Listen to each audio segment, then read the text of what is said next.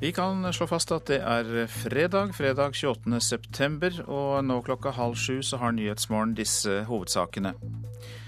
Politiet skal ha funnet blodspor etter Sigrid Giskegjerde Skjetne i en campingvogn der en av de siktede bodde. 16-åringene må dyttes til urnene dersom de skal gidde å stemme. Det viser gransking av forsøket med stemmerett under kommunevalget. De kommunene som har igangsatt tiltak for å øke de unges kunnskapsnivå om politikk og demokrati, har i større grad lykkes i å mobilisere unge velgere enn de som ikke gjorde det. Guro Ødegård, forsker ved Institutt for samfunnsforskning. Mannen bak den omstridte Mohammed-filmen er pågrepet av politiet i Los Angeles. Og Festival-Norge går konk. Røde tall etter mørk festivalsommer. Her i studio, Øystein Heggen.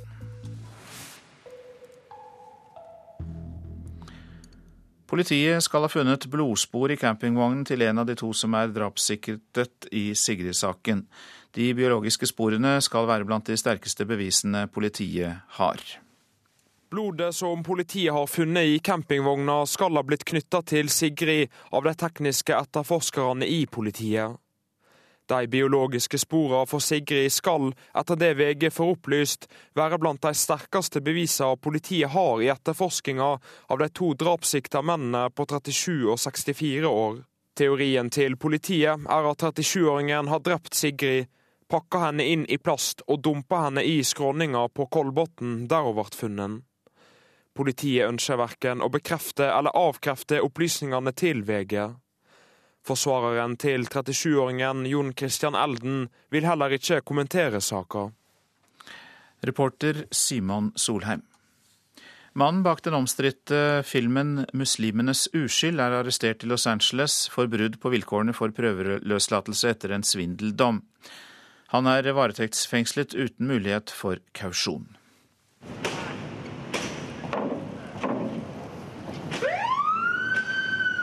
55 år gamle Nakola Baselli Nakola kjøres ut av den føderale rettsbygningen i Los Angeles etter å ha blitt fremstilt for varetektsfengsling. Omstendighetene rundt pågripelsen er uklare, men det som er klart er at han ble kjørt til fengselet etter at dommeren sa at retten ikke stolte på at han ikke ville forsøke å komme seg unna hvis han ble sluppet fri. Det er hans påståtte brudd på vilkårene for prøveløslatelse som er grunnen til at han ble pågrepet og fengslet. Da Nakola ble løslatt, var det på betingelse av at han holdt seg unna internett uten spesiell tillatelse fra kriminalomsorgen. I 2010 ble han dømt til 21 måneders fengsel for banksvindel, men ble løslatt i fjor. Like etter begynte han å lage filmen der muslimenes profet Mohammed blir fremstilt på en svært negativ og sarkastisk måte.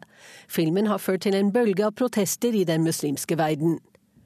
Forsvareren hans sier at han frykter at Nakola ikke er trygg i fengselet pga. de muslimske fangene som er der, men statsadvokaten mener han er tryggere innenfor enn utenfor murene. Og vi ble orientert om dette av Wenche Eriksen. 16- og 17-åringene trenger mer kunnskap om politikk og demokrati for at de skal bry seg med å stemme. Det viser den foreløpige evalueringen av prøveordningen med stemmerett. I 20 kommuner var det en prøveordning i fjor. De kommunene som informerte best, klarte å motivere flest 16- og 17-åringer til å stemme.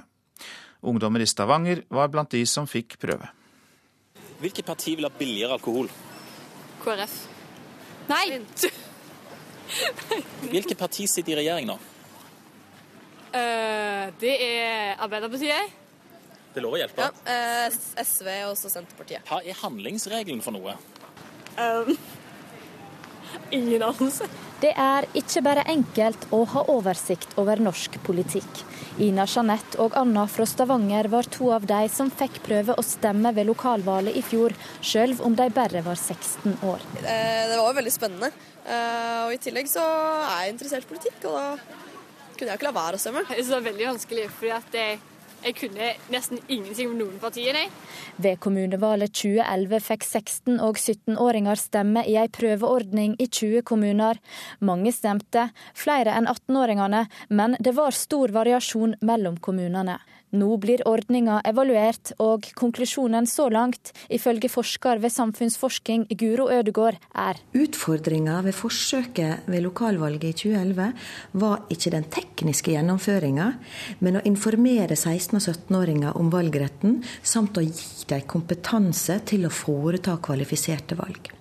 Altså, dersom det skal være vits i å gi 16- og 17-åringer stemmerett, så må det innsats til for å få dem til å gå til urnene. Fra det å ha et teoretisk kunnskapsnivå til å relatere det til sin egen kommune, eh, den veien kan jo være lang å gå.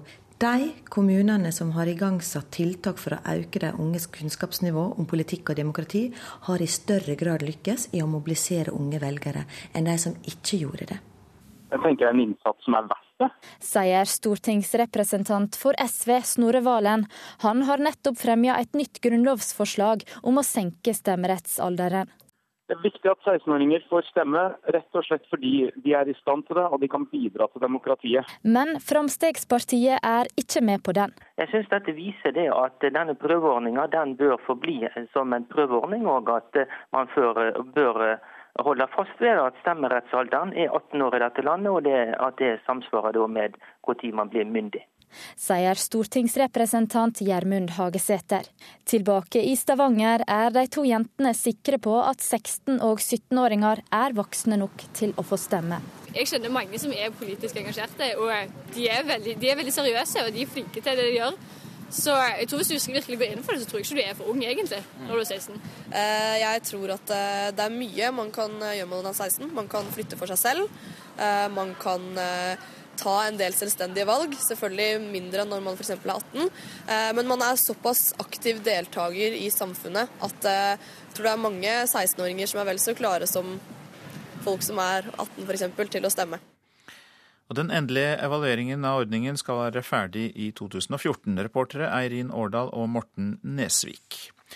Torod Urnes, du var KrF-ordfører i Luster fram til siste valg, og jeg må vel få gratulere deg med at dere hadde en oppslutning blant 16- og 17-åringene på 82,2% Ja, vi er stolte over ungdommene våre, og eh, vi var imponert over det resultatet som det viste. Hva var oppskriften? Eh, Oppskrifta eh, kan nå være delt, selvsagt, men eh, informasjon la vi stor vekt på. Til å få informert eh, ungdommene. Vi hadde i en samling, eh, eller vi møtte opp i 10. klasse både i 2010 og i 2011. Politisk sekretær som informerte om demokrati, om røysterett, om det tekniske med valget, om partiene, og, og det var en nøytral um, informasjon, da. Hvilke saker i Luster tror du engasjerte de unge mest? Jeg tror ikke vi hadde Vi hadde jo en del saker som var oppe i tiden, men, eh, men jeg tror eh, arbeidet med ungdommene og det, det viktige var for å informere dem om demokratiet, om muligheten de hadde til å påvirke, og få dem engasjert. Og så var det ungdommene sjøl som, eh, som, gjorde jobben. Men på den annen side så kan man jo spørre om hensikten med å senke stemmerettsalderen dersom det skal settes i gang så mye arbeid og brukes så mye krefter på å mobilisere ungdommen. Da er de kanskje ikke modne nok likevel? Eh, det er viktig med informasjon, og jeg tror han skal spille på lag med skolene. Og eh, det er noe som heter samfunnsfag, og at han, eh, at han får det inn der. Og, og de var veldig engasjert og, og motiverte, ungdommene våre. Men hvem er du enig med, Snorre Valen i SV, som vil ha stemmerett for 16- og 17-åringene, eller Gjermund Hagesæter i Frp? Jeg, jeg, er for at ungdommen skal få stemmerett. De, de skjerper de voksne. De føler godt med. De stiller konkrete spørsmål. Har du noen tanker om det som skjedde 22.07, uh, hadde noen betydning for 16- og 17-åringenes interesse for å bruke stemmeretten? Det er klart at 22.07 setter sitt preg på, på alle. Men den effekten burde jo ha vært på hele landet. Så jeg tror at det var, var jobben som vi gjorde i forkant som slo ut. Jobben som ble gjort i Luster. Takk for at du var med oss i Nyhetsmorgen, Torad Urnes, som var KrF-ordfører der fram til siste valg. Det tyske konsernet Siemens boikotter flyselskapet Ryanair. Ingen av de 380 000 ansatte i selskapet får bruke Ryanair på forretningsreiser. Siemens krever sikkerhetstiltak i Ryanair, sier pressesjef Caroline Rylander i svenske Siemens til Sveriges Televisjon. Det her er et beslut som Siemens konsernledning i Tyskland har tatt. Och eh, anledningen till detta är att det har varit en rad incidenter och tillbud med Ryanair och då har vi tagit beslutet att eh, bojkotta dem under en tid för att visa att vi vill att de ska vidta åtgärder. Caroline Rylander i Siemens. Alle de 19 om bord mistet livet da et fly styrtet i Nepals hovedstad Katmandu i dag, opplyser politiet der. Blant de omkomne er det tolv utlendinger, sju briter og fem kinesere. Årsaken til eh, ulykken i Nepal er ikke kjent. Rundt 30 mennesker er fortsatt savnet etter en kollisjon mellom en indonesisk ferge og et norskeid skip tidligere denne uka. Åtte er funnet omkommet, 207 mennesker ble reddet etter denne ulykken. Så til avisene og forsidene der. Pleiere bruker 10 000 årsverk på papirarbeid, er oppslaget i Aftenposten. Det går i gjennomsnitt med åtte timer i uka til dokumentasjon og rapporter for ansatte på sykehjem, viser undersøkelse fra Nordlandsforskning. Hodepine for LO-leder Roar Flåten, skriver Klassekampen. EØS-kritiske forbund som vil ta arbeidsliv ut av avtalen med EU, har allerede sikret seg halvparten av delegatene til LO-kongressen. Obligasjonsmarkedet koker, skriver Dagens Næringsliv. Oljeserviceselskapet Subsea 7 hentet inn 3,5 milliarder kroner på to timer. For eh, utlendingene hamstrer nå norske lån. Per Sandberg vil gjøre om NRK til et aksjeselskap som private kan kjøpe seg inn i på linje med Statoil og Telenor, skriver Dagsavisen. Frp-nestlederen utelukker ikke børsnotering og delvis reklamefinansiering av NRK. Rema-gründer Odd Reitan vil organisere skoler og helsevesen etter Rema-modellen, skriver Adresseavisen. Reitan vil ha resultatlønn for lærere og helsearbeidere. Stjal identiteten og handlet for 50 000 kroner, skriver Federlandsvennen. Erik Hamre Kvassnes forteller avisa om en svindler som opererte i hans navn med falsk kredittkort i butikker i Kristiansand. Nye, det nye Facebook-viruset herjer på PC og mobil, får vi vite i Dagbladet. Videosnutter og såkalte fansider er de farligste, tror eksperter. Importen av jordbær er sjudoblet, kan vi lese i Nasjonen. Hvert år gir 9% av norske produsenter opp. Jordbærbonde Hans Birger Stensrud krever høyere tollvern også for jordbær. Dronningen jublet for Astrup Fearnley-museet, skriver Vårt Land. Hun omtalte det som Oslos nye signalbygg da hun åpnet det private museet på Tjuvholmen i går. Brann-spillerne havnet i bråk med sine egne supportere etter cuptapet mot Hødd i går, skriver Bergensavisen. Spillerne måtte beskyttes av politi og stadionvakter mot skuffede fans. Folket møter Viking, det er oppslag i Stavanger Aftenblad. 16.10 møter Viking et lag satt sammen av de beste spillerne fra lokalfotballen, stemt fram av avisas lesere.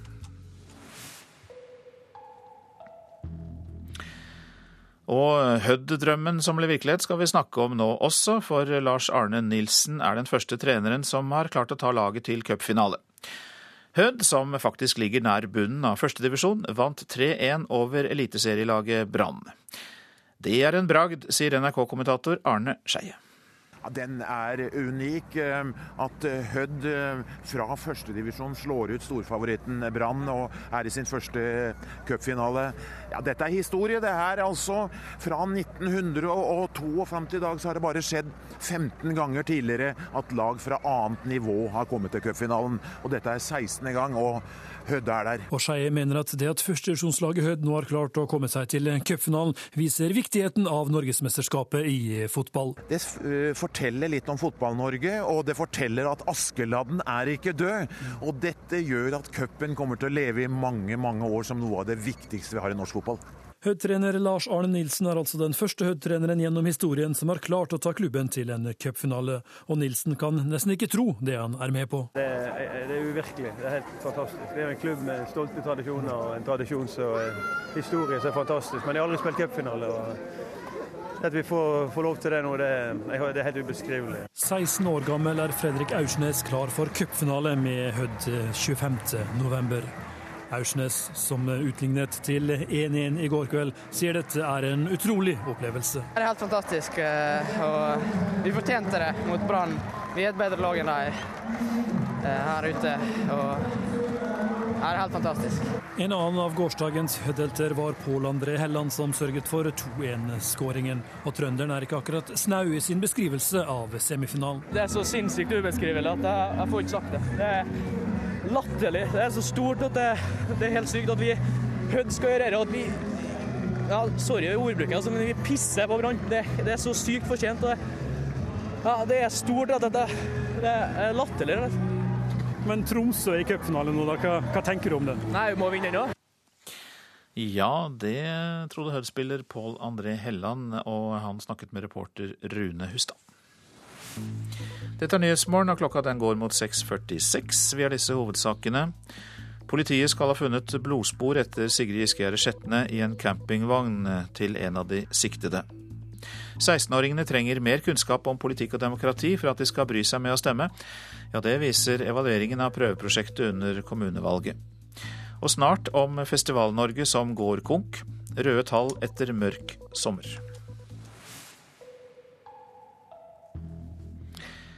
Snart kan du bruke Facebook som nettbank. IT-selskapet Every har laget løsninger som gjør det mulig å overføre penger til venner og familie. Men både banken og Facebook eh, kan da fort få vite mer om deg enn det du kanskje selv ønsker, advarer sikkerhetsekspert. Kryptolog Christian Jøsten ved NTNU er en av Norges fremste eksperter på nettsikkerhet. Han sier det er utallige muligheter for å kløne det til med sikkerheten. Som fører til at hvor mye informasjon som eh, flytter seg mellom de forskjellige tjenestene, ikke samsvarer med det brukerne forventer. Altså at banken plutselig får vite mer om deg enn du hadde trodd, eller at Facebook får vite mer om deg enn du kanskje har lyst til. Og vil du vite mer om dette, så er det også mer etter klokka sju her i Nyhetsmorgen, reporter Linda Reinholdsen. Mange barn og unge får ikke hjelp for sine psykiske lidelser når de ruser seg, trass i at det er kommet nye retningslinjer for behandling.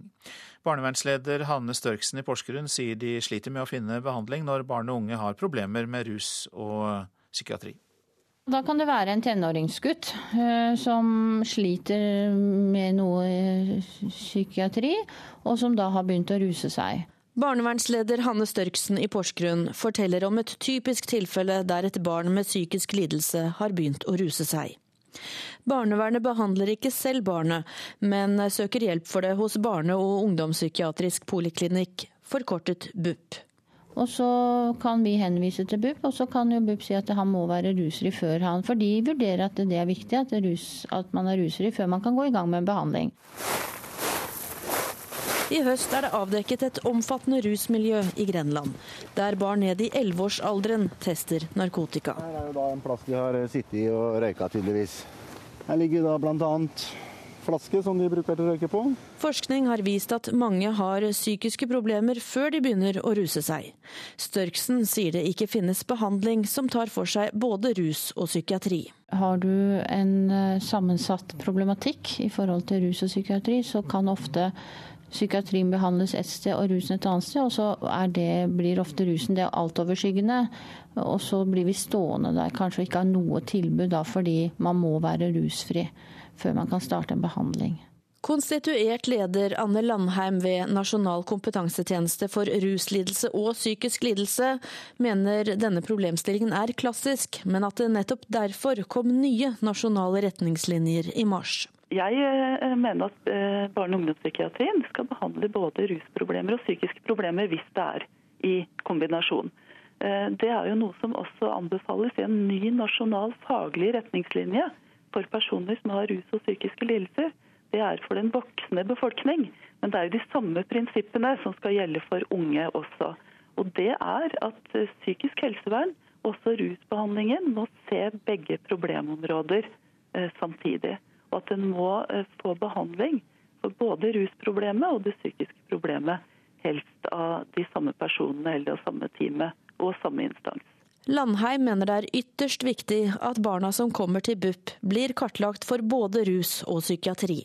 Hvis unge har ø, psykiske problemer, så bør en nå spørre ø, om personens sin bruk av rusmidler.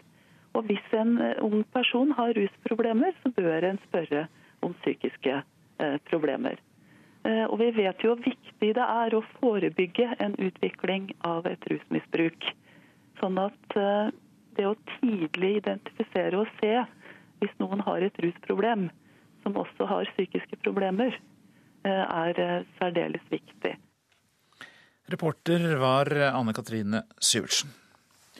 Transportselskapene er lei av fagre ord om mer gods på bane. På Raumabanen f.eks. går det bare ett godstog i døgnet, og det er altfor lite, sier kommunikasjonsrådgiver i Tollpost Globe, Bjørn Thorvaldsen. Flere avganger flere avganger på Raumabanen. Det holder ikke bare med ett tog, ett godstog. Vogntog på vogntog med gods dundrer gjennom Romsdalen, en stor belastning på en ikke altfor god vei. I årevis har det vært snakket om å få mer gods over fra veien til toget, men på Raumabanen går det i motsatt retning. I dag er det én godsavgang, og den kan bli lagt ned. Det er helt klart et politisk problem. Vi trenger langsiktighet og vi trenger forutsigbarhet innenfor gods over på bane. Og det er det ikke. Vi trenger eh, mer enn fagre ord. Vi trenger å få dette virkelig fram i NTP som legges fram. Så er jo staten helt avhengig av å gå inn her nå og prøve å få til ordninger slik at Cargonett eller andre kan drive dette her lønnsomt. For det er tydeligvis rammebetingelsene er for dårlige. Høyreordføreren i Rauma er bekymret. Lars Olav Hustad har kalt inn til møte for å få svar på sine spørsmål. Har godstrafikken på Raumabanen fremtid, og hva gjør regjeringen for å få mer gods over på toget? Banenettet er for dårlig, og det er for store flaskehalser fra Lillehammer og sørover. Næringslivet vil ha avganger om kvelden, ikke om dagen, men Cargonet har svidd fingrene før og er redd for å tape penger. Stortingsrepresentant Else-May Botten fra Arbeiderpartiet innser at det er behov for drahjelp fra regjeringen. Så var det ingen som kom opp med konkrete forslag på insentivordninga, bare at den ligger på bordet og den er en ball vi må på en måte ta tak i. Slik situasjonen er nå, må det komme ganske raskt? Ja, veldig raskt, tror jeg. jeg tror dette handler om ikke altfor mange måneder, i hvert fall ikke år. Lars Olav Hustad, som er Høyre-ordfører i Rauma, reporter Trond Vestre. Den kinesiske kunstneren Ai Weiweis første utstilling i Norge har gitt Kistefoss-museet publikumsrekord med sine 40 000 besøkende. Kunstneren, som sitter i husarrest i Kina, bruker fotografier og sosiale medier i kampen for ytringsfrihet, og nå lærer norske ungdommer å fotografere, slik den kinesiske kunstneren gjør. Ferdige? Ja. De lærer å fotografere slik Ai Weiwei gjør det. Vi hadde jo egentlig tenkt å ta bilde her, da. Du da skal jeg stå bakover. Ja. Ungdomsskoleelevene Embly Johannessen Granberg, Lena Myhre Johansen og Emma Torp Enger. Ja, det var ganske bra. Elevene fra Jevnaker ungdomsskole er fascinert av måten den kinesiske kunstneren har brukt fotografier til å dokumentere urettferdighet og korrupsjon. Jeg syns det er bra at den gjør det, selv om man ikke har lov, så gjør den det for det. Han trosser loven, så gjør han det han liker best. Nå åpner jeg esken med den nye katalogen vår. Ai Weiwei in place. I mai åpnet den første utstillinga med Ai Weiwei i Norge. Sjøl sitter han i husarrest i Kina. Sa Ai Weiwei til NRK før utstillinga åpna. Utstillinga med den kinesiske kunstneren har ført til publikumsrekord for Kistefoss-museet. Nå har vi en uke igjen, men jeg tror vi kan lande ned på ca. 70 Sier direktør Egil Eide. Det er vi veldig fornøyd med. Vi er veldig fornøyd med det. Skulle bare mangle. 70% er langt over forventning. Ai Weiwei første gangen i Norge, og de oppslagene som vi har fått i mediene rundt det, har vært medvirkende årsak. Det er to deler av oppgaven. Det ene er politisk, noe som det synes er viktig i verden rundt dere. Det kan være liksom akkurat der dere er, eller lenger ute i verden. Knut Aastam, kjent fotograf og kunstner, har denne uka hele 300 ungdomsskoleelever på lynkurs i dokumentarfoto og politisk aktivisme ved Kistefossmuseet. Altså, ungdom i dag bruker bilder hele tiden, naturligvis, på mobiltelefon og liksom på kamera og på nett og på webcam og sånt. Da. Men forskjellen her er at istedenfor å bare knipse ting vi ser rundt oss, så skal vi liksom prøve å tenke på hvordan bildet kan være språk, da, hvordan man kan bruke det til å si noe, og lage bilder fra bunnen av, fra en idé. da.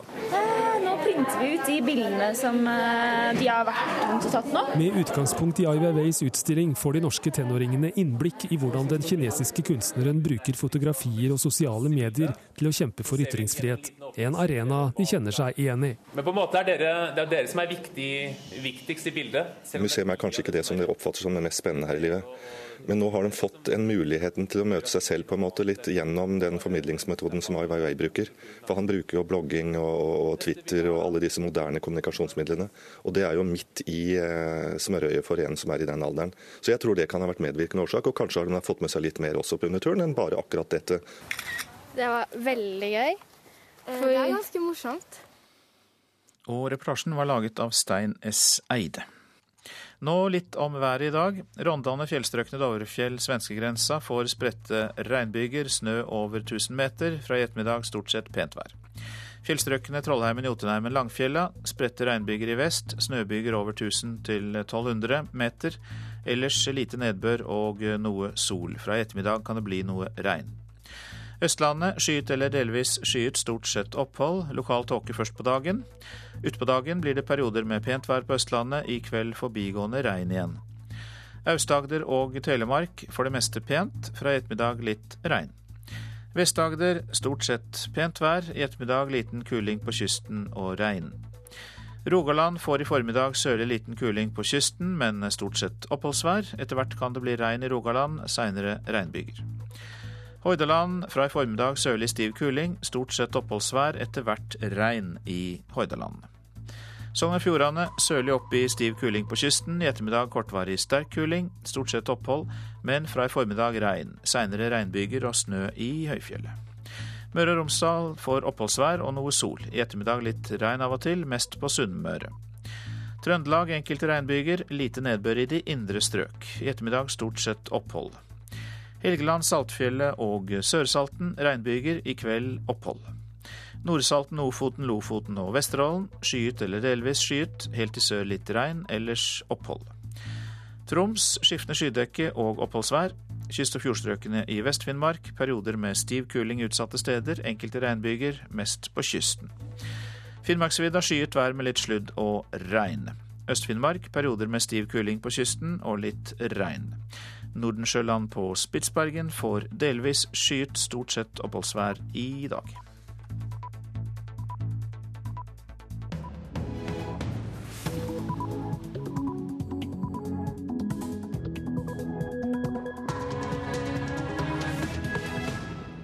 Det er P2s Nyhetsmorgen du lytter til, og klokka er sju.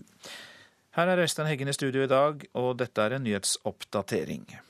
Politiet skal ha funnet blodspor etter Sigrid Giskegjerde Skjetne i campingvogna til en av de siktede. De biologiske sporene for Sigrid skal, etter det VG får opplyst, være blant de sterkeste bevisene politiet har i etterforskninga av de to drapssikta mennene på 37 og 64 år. Regjeringen dropper løftet om maksimalgrense for antall elever per lærer. De skolene som kan søke på dette, det er de som har flere enn 20 elever i gjennomsnitt. Og det er ungdomstrinnet vi snakker om, og de som har grunnskolepoeng under gjennomsnittet. Det var kunnskapsminister Kristin Halvorsen. Mannen bak den omstridte Mohammed-filmen er pågrepet av politiet i Los Angeles. 16-åringer trenger mer kunnskap om politikk og demokrati for at de skal gidde å stemme. Ja, det viser evalueringen av prøveprosjektet under kommunevalget. Og snart kan du bruke Facebook som nettbank, men eh, hva kan det føre til? Som fører til at hvor mye informasjon som eh, flytter seg mellom de forskjellige tjenestene, ikke samsvarer med det brukerne forventer. Altså at banken plutselig får vite mer om deg enn du hadde trodd, eller at Facebook får vite mer om deg enn du kanskje har lyst til. Sa kryptolog Christian Jøsten, som jobber ved NTNU. Ja, det er altså slik at Politiet skal ha funnet blodspor som stammer fra Sigrid Giskegjerde Skjetne i campingvogna hvor den drapssiktede 37-åringen bodde. De biologiske sporene fra 16-åringen skal etter det VG får opplyst være blant de sterkeste bevisene mot de to mennene som er drapssiktet. Reporter Simon Solheim, hva mer kan du fortelle om dette? Ja, Politiet de har altså, eller skal altså ha funnet blodspor i eh, campingvogna til eh, en av de drapssikta 37-åringen. Eh, ifølge VG så knytta de tekniske etterforskerne i politiet blodet til Sigrid som ble funnet drept i starten av august i år. Campingvogna der politiet har funnet blod, den sto plassert inne i et industriområde på Bryn i Oslo, og det er der 37-åringen bodde i tida før og etter drapet på 16-åringen. Og Hovedteorien til politiet nå er at, er at 37-åringen altså har drept Sigrid, pakka henne inn i plast og dumpa henne i den skråninga der hun ble funnet rett ved, ved verkstedet på Kolbotn, eh, som eh, ble disponert av eh, den medsikta 64-åringen. Er det opplysninger om andre bevis i saken? Ja, VG skriver i dag at, at det òg er funnet den samme type plast som Sigrid var pakka inn i da hun ble funnet drept. Eh, den plasten er funnet i og rundt eh, denne verkstedet på Kolbotn. Eh, og det er også funnet noen stropper som var rundt liket av Sigrid, som politiet mener at de da kan knytte til denne verkstedet. Dette er opplysninger VG presenterer i dag. Hva sier politiet selv? Ja, politiet har jo hele veien vært veldig sparsomme med, med de tekniske funnene. og og har sagt veldig lite om det. Når det gjelder blodet som, eh, som skal være funnet i campingvogna, ifølge VG sine opplysninger, så vil eh, politiet verken avkrefte eller bekrefte disse opplysningene. Eh, og Politiet sier at de ikke vil kommentere slike funn fordi at de mener at dette kan skade etterforskninga til, til politiet. Mange takk skal du ha, reporter Simon Solheim. Regjeringen dropper løftet om en maksimalgrense for hvor mange elever det skal være per lærer. I Soria Moria-erklæringen fra 2009 så står det at det skal komme en slik lov, men etter det NRK erfarer, kommer det bare en liten forsøksordning i det kommende statsbudsjettet. Og eh, den vil gjelde bare et fåtall av norske skoler. Dere har forberedt dere til i dag. Dere skal ha lest handlingsreferatet. Samtidig som dere skulle sette dere inn i personskikkelsen Nora. Kjempebra. Da starter vi. Norsk på timeplanen, 31 pennal på pultene, Ibsen på storskjerm. Tiende klasse ved Seiersten ungdomsskole i Frogn ser at Nora bryter ekteskapsløftet i et dukkehjem. Hvilken samfunnsklasse representerer stykket? Arbeiderklassen. Gjør det det? Borgerskapet. Borgerskapet. Borgerskapet. De velstående. I høstens statsbudsjett bryter Kristin Halvorsen et valgkampløfte. Lærerøkningen som ble lovet for alle barne- og ungdomsskoler, blir kraftig redusert. Bare de karaktersvake ungdomsskolene med få lærere per elev kan søke om til sammen 600 nye lærerstillinger. Seiersten-rektor Kjell Gunnar Moen er skuffet. Jeg er iallfall ikke helt 100% fornøyd med den ordninga som nå kommer. Det er bra at eh, skoler som har svake resultater, eh, løftes med flere lærere. Men jeg hadde håpet på at eh, man hadde styrka første og andre klasse. Det er jo der de grunnleggende ferdigheter legges. Store klasser, men for flinke elever. Dermed ingen rød-grønn hjelp. Litt skuffa er jeg, men vi må jo da utnytte det vi får, og gjøre det beste ut av det. Men du får jo kanskje ingenting? Det er sant. I friminuttet sier tiendeklassing Henrik Skjønneberg at han vet hva færre elever i timene kunne betydd. Han vet hva som skjer i hans klasserom når mange elever er syke. Det som skjer er at Hvis du rekker opp hånda og trenger hjelp på noe, så, hjelp, så forklarer de det. I motsetning til å bare si, gi deg svaret. Og Det er da en av de største forskjellene der vi er mange å få. De forklarer bedre da vi er færre. I valgkampen 2009 sa daværende SV-leder Kristin Halvorsen vi foreslår en lovbestemt minstenorm for antall lærere per elever på hver skole. De som går i første til fjerde klasse, skal ha én eh, lærer på 15 barn. I dag sier nåværende kunnskapsminister Kristin Halvorsen De skolene som kan søke på dette, det er de som har flere enn 20 elever i gjennomsnitt. Og det er ungdomstrinnet vi snakker om. Og de som har grunnskolepoeng under gjennomsnittet. Har du da brutt et valgkampløfte? Nei, jeg har funnet en veldig god start på å innfri det kravet som lærere og foreldre og elever har hatt som sitt viktigste, nemlig at de trenger flere lærere i skolen. Jeg er sikker på at de har forståelsen for at vi må gå fram på en sånn måte at ikke vi ikke får flere ufaglærte lærere mens vi trapper opp. En god start, sa kunnskapsministeren her til reporter Lars Nehru Sand, og um, Håvard Grønli hadde også bidratt til å lage dette innslaget. Leder av Utdanningsforbundet Mimmi Bjerkestrand, god morgen til deg. God morgen. Tar du i bruk løftebruddordet? Jeg gjør ikke det eh, i denne sammenhengen, men det er helt klart at dette ikke er den minste ressursnormen som regjeringen eh, beskrev og lovet i Soria Moria. Men det som er helt klart, er at det er presset fra elever, foreldre og lærere om at lærertetthet har betydning, og at vi må styrke skolen med flere lærere, har nådd inn. Men vi får altså ikke den normen.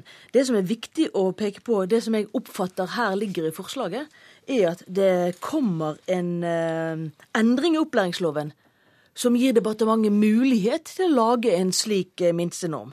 Men da må vi se en klar forpliktelse på opptrapping vi må få en se, eh, klar forpliktelse på denne lovfestingen. Og vi kan ikke vente i fire år på denne opptrappingen.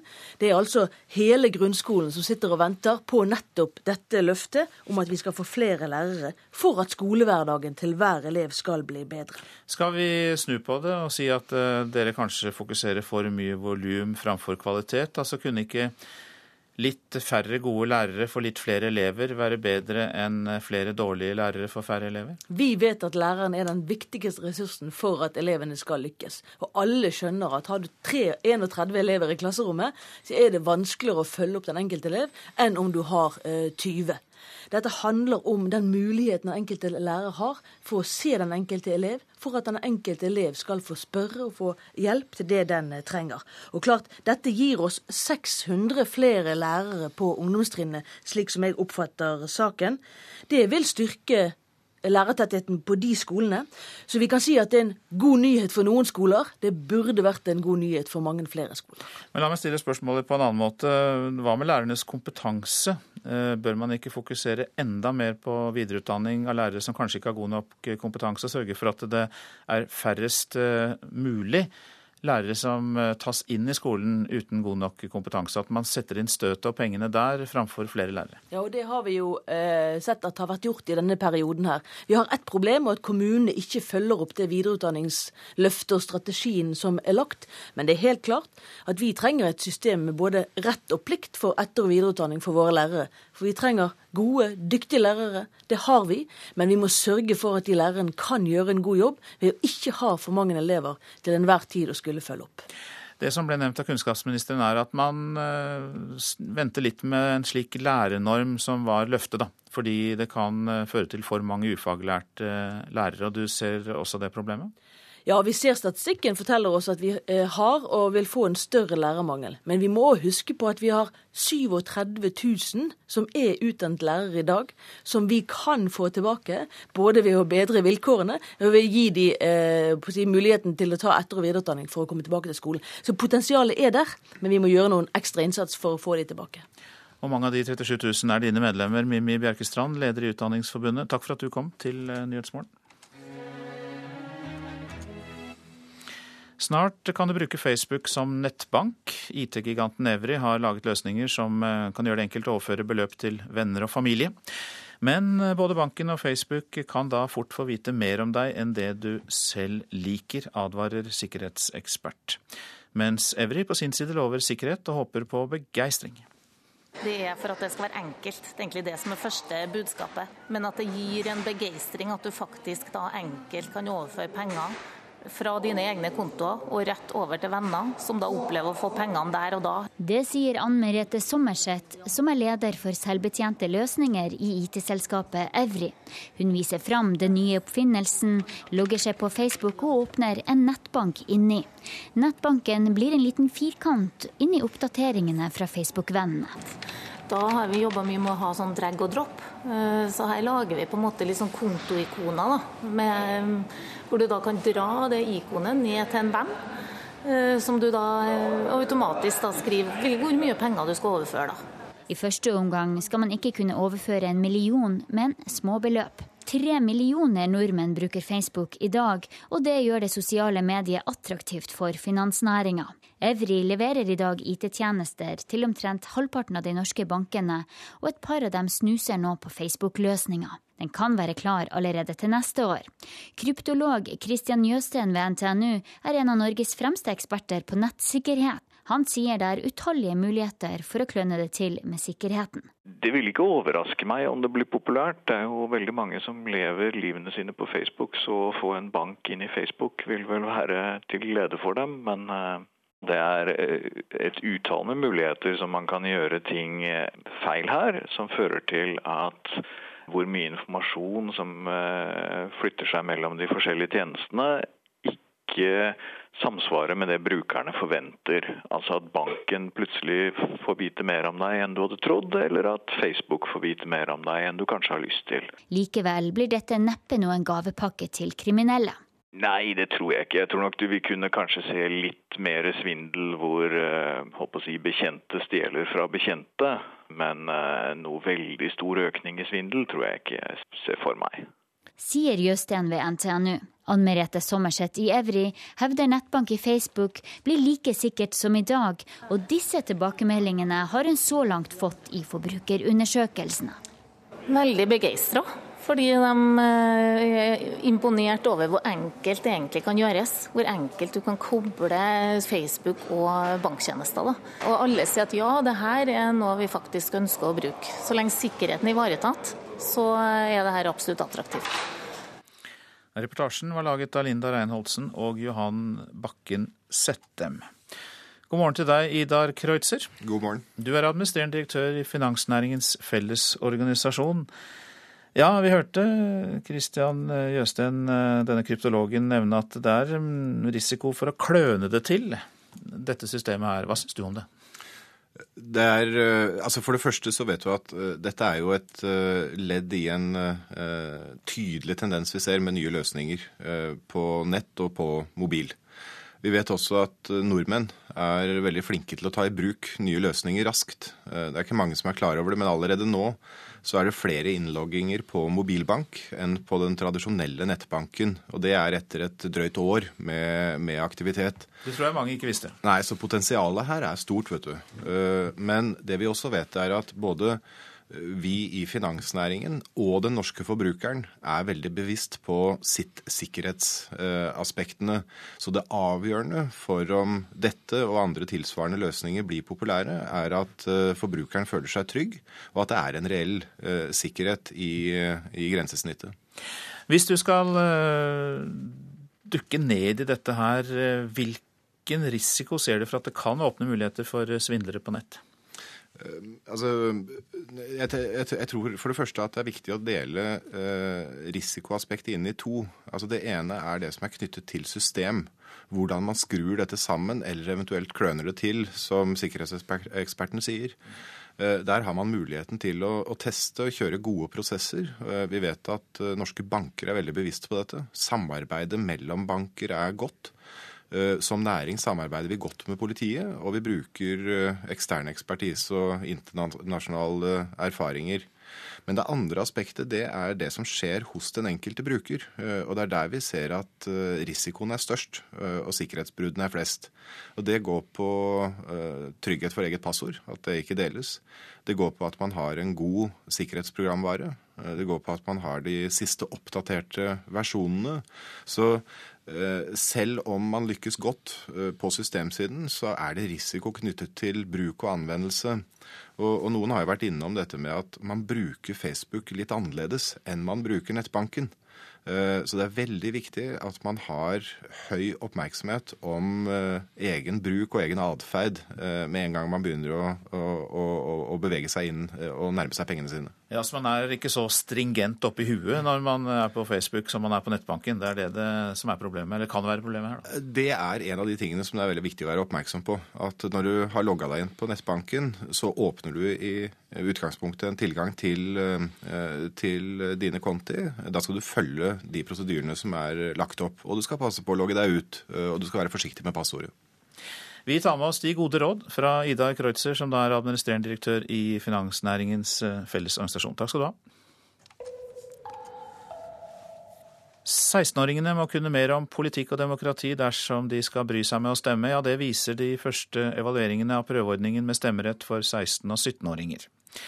I 20 kommuner så fikk de stemme ved kommunevalget i fjor, og der det ble gjort en innsats for å lære ungdommene mer om politikk, så ble det høyest oppslutning, sier Guro Ødegård ved Institutt for samfunnsforskning.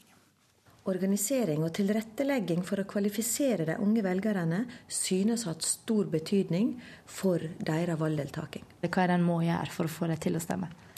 Altså Kunnskap om politikk og demokrati er en viktig forutsetning for at 16-åringer skal kunne bruke stemmeretten sin. Utfordringa ved forsøket ved lokalvalget i 2011 var ikke den tekniske gjennomføringa, men å informere 16- og 17-åringer om valgretten, samt å gi dem kompetanse til å foreta kvalifiserte valg.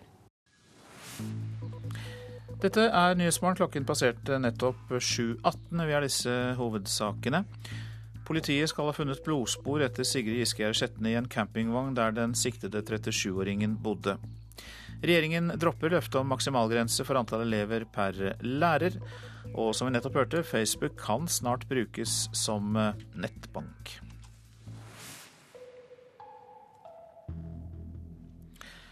Mannen bak eh, Mohammed-filmen, som har skapt store protester i den muslimske verden, er varetektsfengslet i Los Angeles. Han skal ha brutt vilkårene for prøveløslatelsen han fikk etter en svindeldom. Utenriksmedarbeider Wenche Eriksen, du vet mer om denne pågripelsen av Nakola Baselei Nakola. Ja, Vi vet ikke hvor eller hvordan selve pågripelsen skjedde.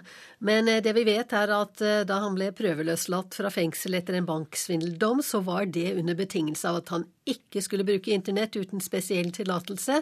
Han skulle heller ikke bruke falske navn. Og Like etter at han ble løslatt i fjor, så begynte han å lage denne filmen 'Muslimenes uskyld', eh, som jo fremstiller eh, muslimenes profet Mohammed på en svært negativ måte.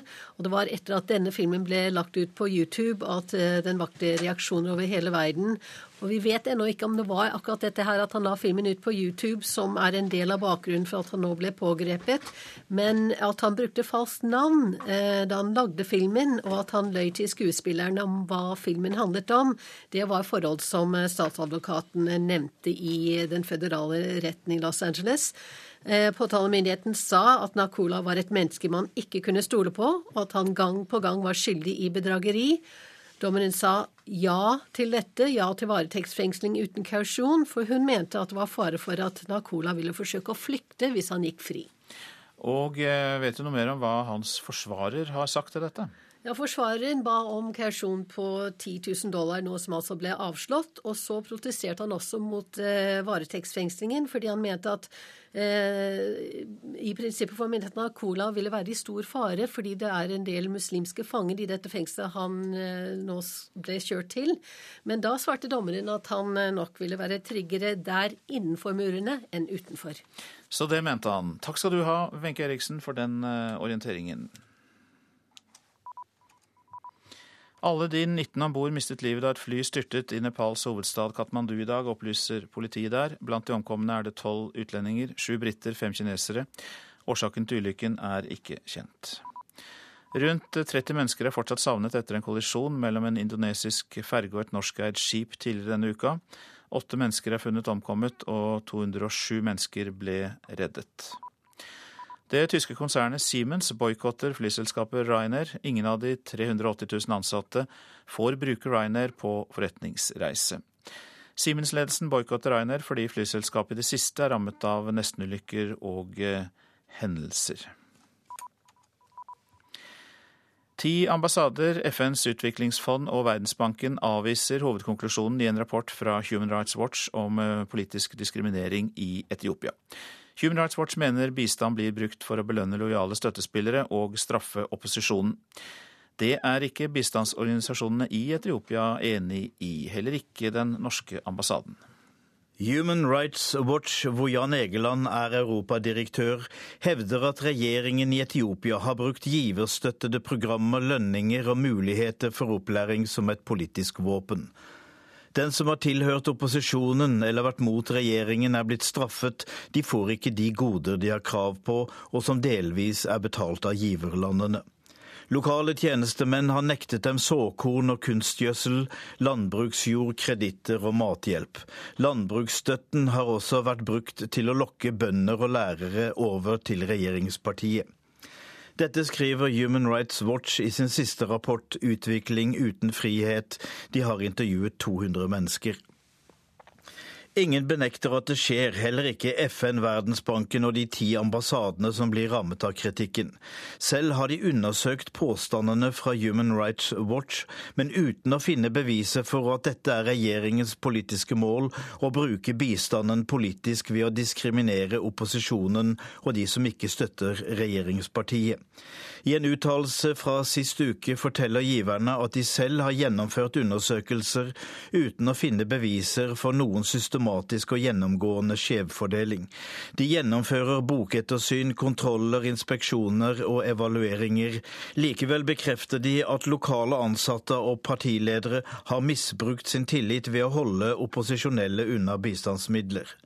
Norges ambassade er blant dem som reagerer på påstandene fra Human Rights Watch, og som avviser hovedkonklusjonen. De peker i stedet på at Etiopia er i rivende utvikling, med redusert fattigdom og en eksplosjon innenfor utdanningen. Det sa Tom Christiansen. Og Jan Egeland, god morgen til deg. Du er europadirektør for Human Rights Watch. Dere er vant til å kritisere, men får selv kritikk nå. Eh, har dere vært for harde med regjeringen i Etiopia? Eh, nei, det tror jeg absolutt ikke. Eh, det vi er enige med disse ti giverlandene om, er at det her er stor økonomisk og sosial framgang i Etiopia. Sulten går ned, utdannelsen går opp. Eh, det jeg tror også vi er enige med dem i der, er at det er 99,6% i parlamentet fra ett politisk parti som har kontrollert alt og alle siden 1991 i det, dette landet. Men eh, dere får kritikk for å påstå at det nærmest er en sammensvergelse for å svindle her. Og det mener jo disse bistandsorganisasjonene og ambassadene at det ikke er, men at det er mer noe som oppstår på lokalplanet. Ja, altså En av de rapportene vi har gitt ut, eh, hvor det var 200 uavhengige intervjuer som ble foretatt i 53 landsbyer i 27 distrikter, eh, begynte det å danne seg et entydig bilde. Hvis man ikke støtter dette partiet, som kontrollerer alt og alle, så får man ikke samme bistand som de som støtter entusiastisk opp under partiet på, på alle bauger og kanter. Et av de som nå kritiserer oss, er jo eh, landet er USA. I Wikileaks eh, eh, telegrammene som ble sendt ut, så ser vi jo imidlertid at de i, i det stille er enig i at det er veldig lett å politisere bistand i et land så, som er så gjennomautoritært. Og at det er jo et enormt system av kontroll på, på, på alle bauger og kanter i landet. Så der får vi altså da støtte. Det vi har bedt om, er en uavhengig gransking. En uavhengig gransking. Det har eh, det blitt lovt, det har ikke blitt gjort av den feltstudien som de selv planla å gjøre, skrinla de i 2011. Men hvis du skal komme med noen anbefalinger ut ifra det synet dere i Human Rights Watch har, eh, bør eh, Dere står jo fast ved at det her er veldig ensidig påvirkning fra ett parti og, veldig, og en politisering av bistanden. Bør de da trekke seg ut av Etiopia? Er det det som er konklusjonen din? Nei, de må ikke trekke seg ut. Eh, det er det ingen som ber om at man ikke skal fortsette å støtte et land som må gå fra forferdelig fattigdom og sult til noe mye bedre, forhåpentligvis, på det sosialøkonomiske området. Men man må ikke, man må ikke bli en heiagjeng for noe som er altså et gjennomautoritært regime, hvor dine journalistkolleger sitter i fengsel eller de er flyktninger i steder som Norge. Eh, hvordan kan ha seg at disse giverlandene er entydig for demokrati og menneskerettigheter i alle land, andre land? De er entusiastiske for våre rapporter i alle land, andre land. Mens i Etiopia og Rwanda, disse to landene, har altså giverne sier, sier giverne her er vi villige til å overse massive menneskerettighetsbrudd. Det burde de ikke. Takk for at du kom til eh, Nyhetsmorgen. Eh, Jan Egeland, du er europadirektør for eh, Human Rights Watch. Så skal vi si litt om det avisene skriver i dag. Pleiere bruker 10 000 årsverk på papirarbeid, er oppslaget i Aftenposten. Det går i gjennomsnitt med åtte timer i uken til dokumentasjon og rapporter for ansatte på sykehjem, viser undersøkelse fra Nordlandsforskning. Hodepine for LO-leder Roar Flåten, skriver Klassekampen. EØS-kritiske forbund som vil ta arbeidsliv ut av avtalen med EU, har allerede sikret seg halvparten av delegatene til LO-kongressen. Obligasjonsmarkedet koker, skriver Dagens Næringsliv. Oljeserviceselskapet Subsea 7 hentet inn 3,5 milliarder kroner på to timer, for eh, utlendingene hamstrer nå norske lån. Per Sandberg vil gjøre om NRK til aksjeselskap som private kan kjøpe seg inn i på linje med Statoil og Telenor, skriver Dagsavisen. Frp-nestlederen utelukker ikke børsnotering og delvis reklamefinansiering av NRK. Rema-gründer Odd Reitan vil organisere skoler og helsevesen etter Rema-modellen, skriver Adresseavisen. Reitan vil ha resultatlønn for lærere og for helsearbeidere. Stjal identiteten og handlet for 50 000 kroner, skriver Fedrelandsvennen. Erik Hamre Kvassnes forteller om en svindler som opererte i hans navn med falsk kredittkort i butikker i Kristiansand.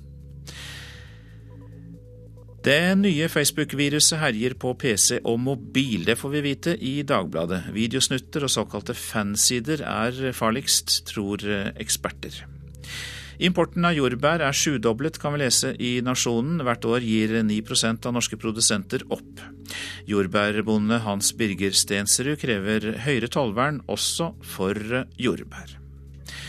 Brann-spillerne havnet i bråk med sine egne supportere etter cuptapet mot Hødd i går, skriver Bergensavisen. Spillerne måtte beskyttes av politiet og av stadionvakter mot veldig skuffede fans. Ja, du lytter til uh, Nyhetsmorgen, og uh, etter Dagsnytt så kan du høre hvorfor Muammar Gaddafis banemann selv er død. Og hvor mange lærere skal det være per elev? Det blir debatt om dette i Politisk kvarter. Produsent for Nyhetsmorgen er Ulf Tannesfjell i dag. Her i studio, Øystein Heggen.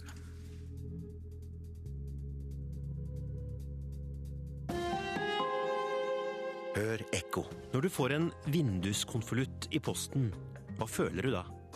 Mange blir redde. I fjor var det 3,5 millioner inkassosaker her i landet, og det blir flere.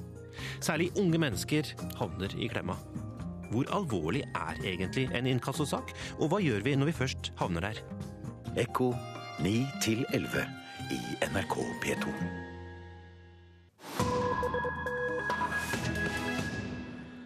Dette er Nyhetsmorgen. Onsdag denne uken ble 22 år gamle Omran Shaban gravlagt i den libyske byen Misrata. Shaban var mannen som 23.10 i fjor tok Libyas tidligere diktator Muammar Gaddafi til fange. Men for Shaban personlig betød ikke det slutt på krigen. Morten Jentoft forteller historien om hva som skjedde med Gaddafis banemann.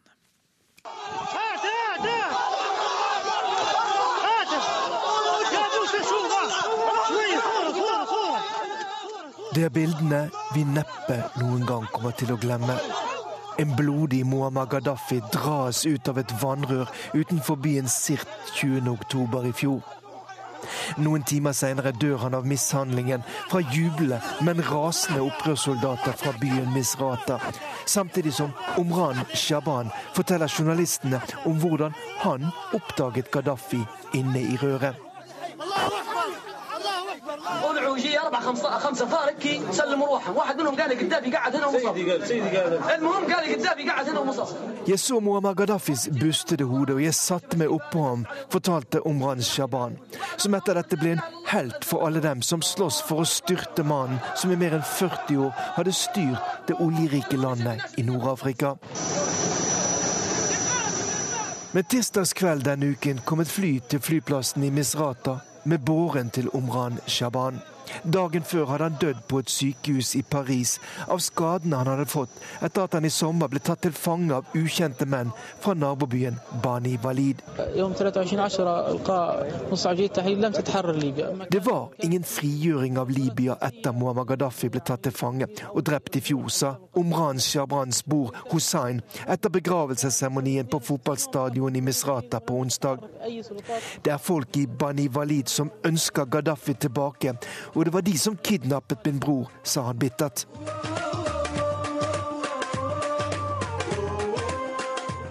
For det som skjedde med Omran Shaban, forteller mye om de motsetningene som fremdeles finnes under overflaten i Libya, snart ett år etter Gaddafis fall.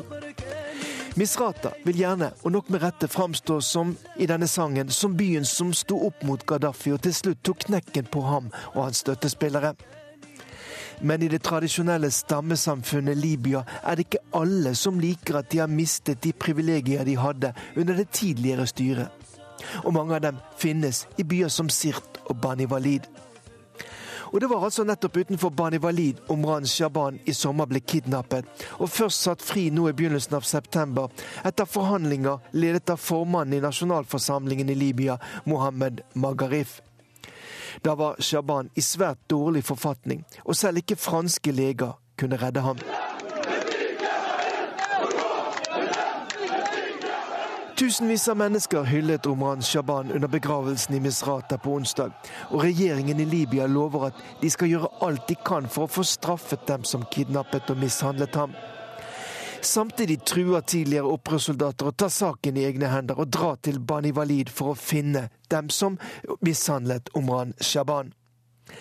Sammen med uroen i byen Benghazi etter drapet på den amerikanske ambassadøren 11.9, er dette nok et eksempel på at Libya har et stykke å gå før den frihet og stabilitet mange drømte om under opprøret i fjor, er en realitet.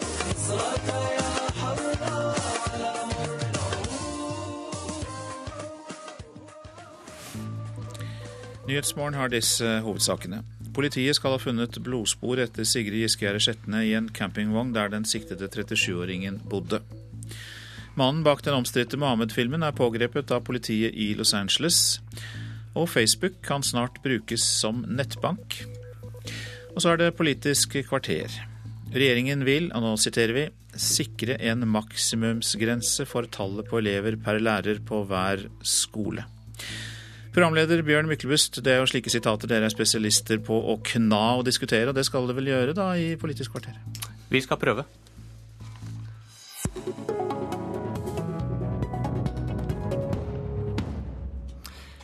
Kunnskapsminister Kristin Halvorsen, å få en politiker til å innrømme at noe er et løftebrudd, har jeg erfart er seig materie. Tror du jeg kommer til å lykkes i dag? Absolutt ikke. Den saken som dere har kjørt nå på morgentimene, er sterkt misvisende om det som kommer i statsbudsjettet. Vi foreslår 600 øremerka statlige lærerstillinger til ungdomsskolen i kommende statsbudsjett.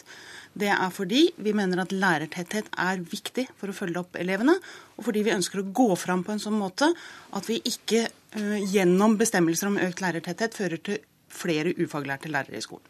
Sei materie, men jeg prøver. Dere lovet en lærernorm på 3000 grunnskoler. Men i regjeringens siste statsbudsjett da, så blir fasiten noe sånt som 200 skoler. 6% av skolene, skal vi kalle det 94% løftebrudd? Nei, absolutt ikke. Du har misforstått totalt. Det kommer en lovendring.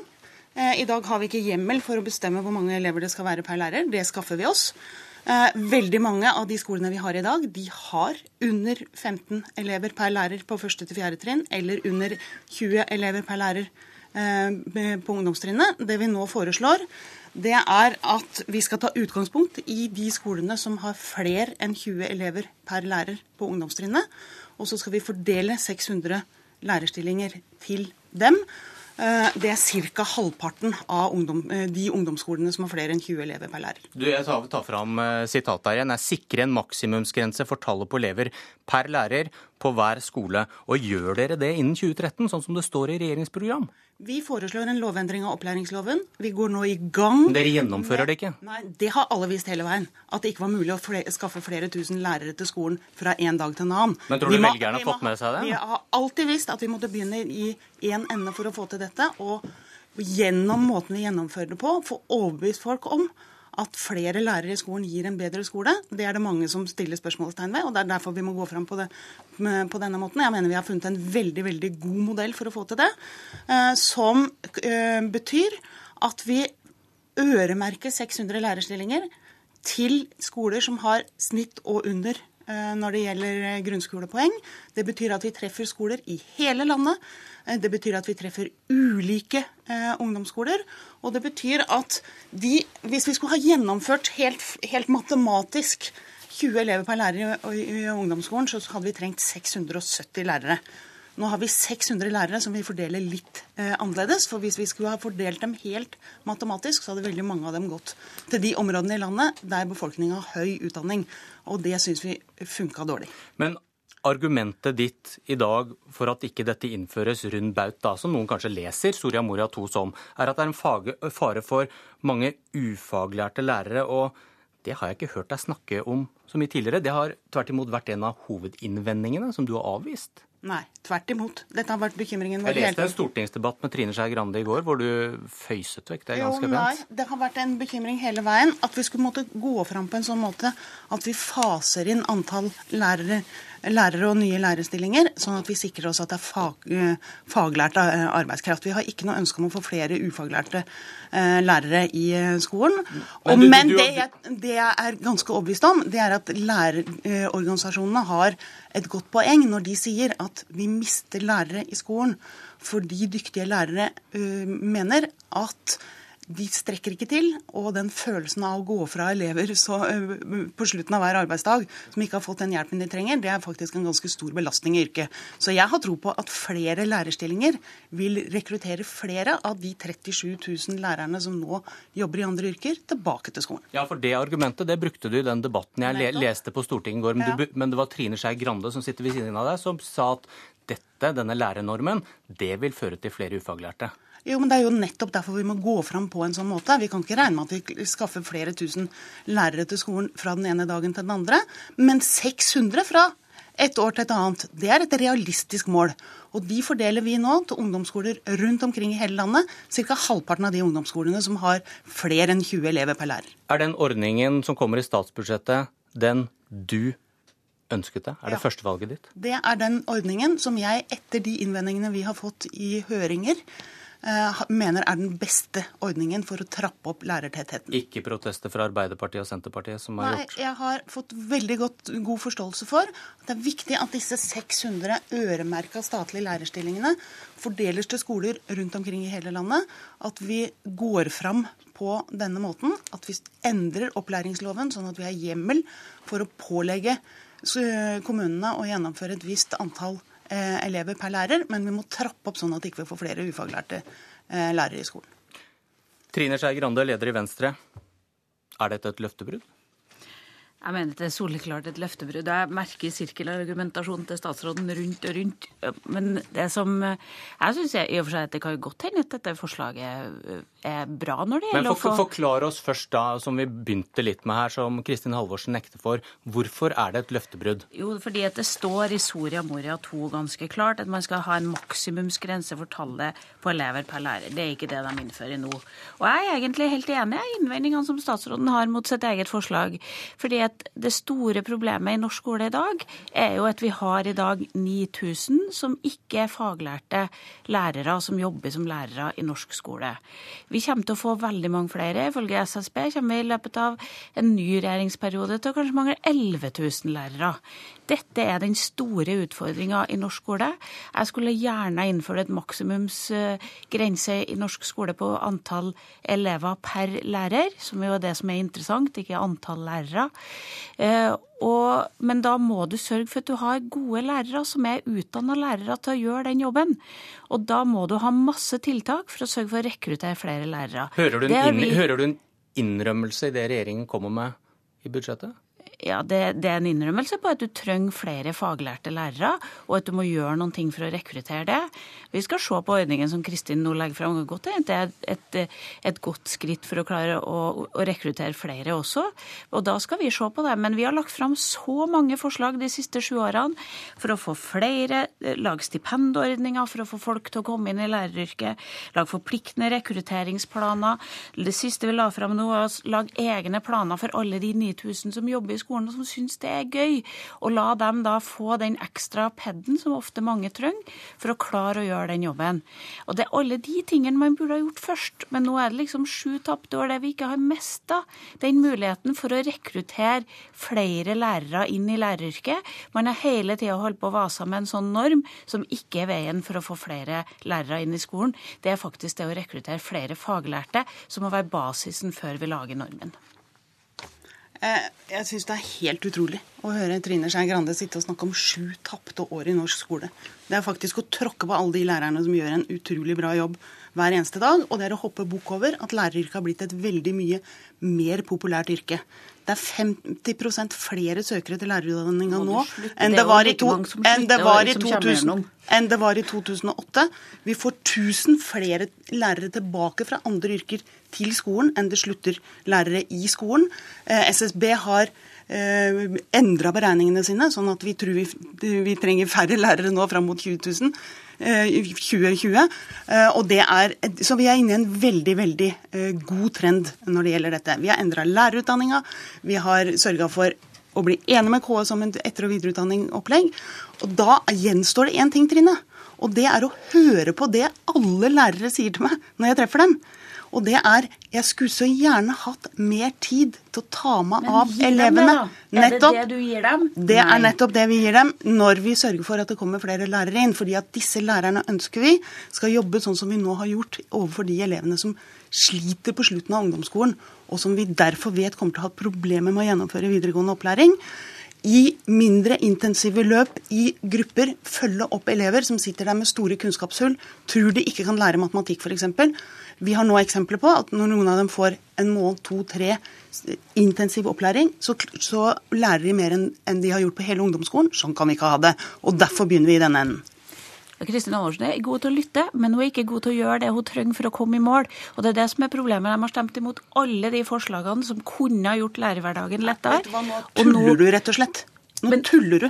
Men kjære Kristen, har du stemt for de forslagene vi har lagt fram? Nei, du har ikke gjort det. Ja, har... har... du stemt for stipendordninga vår for dem som har mastergrad? Nei, det har du ikke gjort. Har du stemt for vår plan i forhold til å, å lage en egen plan på de 9000 ufaglærte? Nei, det har du ikke gjort. Har du sørga for at vi skal lage en forpliktende etter- og utdanningsplan der du faktisk har både rett og plikt til å få etter- og videreutdanning? Eller skal du ha den papirtigeren vi i dag har? Nei, det har du ikke gjort. Og det, da, det er de tiltakene som skal til for at de lærerne lærerne faktisk skal synes at den lærerhverdagen i skolen er morsom. Jeg må bare si, nei, jeg må bare si én liten ting. Altså. For å sitte og påstå at det har vært sju tapte år i norsk skole, det er faktisk det er? Jo, men det er en grov løgn. Fordi vi har hatt en svært offensiv politikk for å rekruttere flere lærere, og det gjøres en kjempejobb hver eneste dag i norsk skole. Så, vent, vent, vent, vent, Som en eh, buffer mellom dere to har jeg plassert deg, Mimi Bjerkestrand. Du er leder i Utdanningsforbundet, som organiserer lærerne. Jeg kan begynne med deg. Da jeg begynte med Halvorsen og Skei Grande, er det et løftebrudd? Dette er ikke den minste ressursnormen som er beskrevet i Soria Moria. Det er ikke noe tvil om. For der står det at det skal være en lovendring som gir en minstenorm eh, for lærertetthet på hver skole. Og Så kan det være mange argumenter for at man ikke innfører dette. Det dette er, er ressurser til 600 lærerstillinger på ungdomsskolene. Og klart at Det vil jo øke lærertettheten på de skolene. Det som vi er opptatt av, vi er ikke fornøyd ved at vi har fått denne lovendringen som beskriver nettopp hva denne lærertettheten er. Om dette er et kompromiss i regjeringen eller ikke, det skal ikke jeg ha uttalt. Men det er helt klart at disse lærerstillingene kommer som et press fra elever, fra lærere og foreldre. Fordi vi har fått gjennomslag for at det har betydning hvor mange lærere det er i hvert klasserom for å nå ut til alle elevene. Men det vi er helt avhengig av, det er at denne lovendringen som her foreslås, må fylles. Ja, vi må ha en endring i opplæringsloven for å lage en slik forskrift som regulerer disse forholdene. Men da må den fylles. Og vi har vært veldig tålmodige i syv år. Vi ønsker at dette skal komme på plass. Ja, vi må rekruttere nok lærere. Det har vært en god innsats for å rekruttere eh, nye lærere. Videreutdanningsstrategi har vært eh, innført. Det må fortsette. Men vi har altså 37 000 utdannede lærere vi kan eh, ta av. Men... Jeg tror redselen for at vi har for få eh, lærere, er for stor. Vi kunne tatt et større grep. Det er et politisk valg som politikerne her gjør. Men, men er du enig i innvendingen til Kristin Halvorsen som sier at dette er der vi må begynne? Gjør vi noe mer, så sørger man for mange ufaglærte inn i yrket. Og det vil vel heller ikke du? Nei, jeg er opptatt av at alle som jobber eh, som lærere, skal være faglærte og ha lærerutdanning. Men kunne man gjort noe mer uten å risikere det? Vi kunne selvfølgelig ha begynt mye tidligere i denne regjeringsperioden. Det kunne regjeringen gjort, og det kunne også Stortinget ha fått eh, si, mm, vært pådriver til regjeringen for å gjøre. Det har vært eh, sterke rekrutteringskampanjer, det har vært økt søkning til lærerutdanningen, men det er veldig mange som også slutter i løpet av uh, utdanningen, og det er mange som slutter i yrket. Så vi har et stort problem. Det er selvfølgelig at vi som parter som arbeidstakerorganisasjoner og arbeidsgivere må også gjøre en sterk innsats for at læreryrket skal bli eh, mer attraktivt. Men det er ikke tvil om at dette er en satsing på å få flere lærere på noen skoler. Det øker lærertettheten, men det er ikke den normen som beskrives i eh, Soria Moria. Kristin Halvorsen, du starter kanskje så sent nå med det siste budsjettet deres før valget at du kanskje ikke får bevist at dette grepet virker, for det er jo omstridt? I forskninga? Dette er eh, omstridt, og høringsuttalelsene på dette her hadde veldig mange motforestillinger også. De gikk på to ting. Eh, selvfølgelig er det sånn at kommunene stritter mot mer statlig styring. Dette er jo å øremerke statlige midler til lærerstillinger, og et viktig grep sånn sett. Og så var det en motforestilling som dreide seg om at hvis vi bare smurte disse lærerstillingene veldig tynt utover, så kom de først og fremst til de områdene der det var høyt utdanningsnivå fra før. og Derfor har vi funnet en ny og bedre modell. Men jeg vil nå oppfordre alle lærere og lærerorganisasjoner og foreldre og elevorganisasjoner som er opptatt av dette, av å bruke den muligheten som dette forslaget betyr, nemlig å vise hvordan man kan jobbe bedre i norsk skole hvis man har flere lærere, og hvordan vi kan følge opp elever som i dag sitter og ikke får hjelp, og dermed ikke kommer eh, videre. For det er det lærerne har argumentert med når de har ønska seg dette. Nå har vi en sjanse til å vise at det virker. Trine Skei Grande, hvis du får hånda på rattet etter neste valg, kommer du til å stanse det Kristin Halvorsen nå setter i gang? Det er ikke sikkert at jeg kommer til å gjøre, men jeg kommer til å ha et mye større fokus på å få flere faglærte lærere inn. Sørge for etter- og videreutdanning. Men det med lærernormen, nå, nå, nå starter du opp på ungdomsskolen. Kommer det til å leve videre? For du er jo prinsipielt imot det grepet? Nei, vi er ikke prinsipielt imot å ha en lærernorm. Det vi er prinsipielt imot, er at du starter med en lærernorm uten å ha faglærte lærere. Vi mener at du må gjøre det første først, nemlig å sørge for at du får flere kloke, gode lærere inn i skolen, og da må du ha flere som har lærerutdannelse, som faktisk kan komme og gjøre den jobben. Men da tror jeg vi har funnet en veldig god opptrappingsplan. Kristin Halvorsen, Mimi Bjerkestrand, Trine Skei Grande, takk for at dere kom til dagens Politiske kvarter. Jeg heter Bjørn Myklebust. Nå overtar Øystein Heggen snart.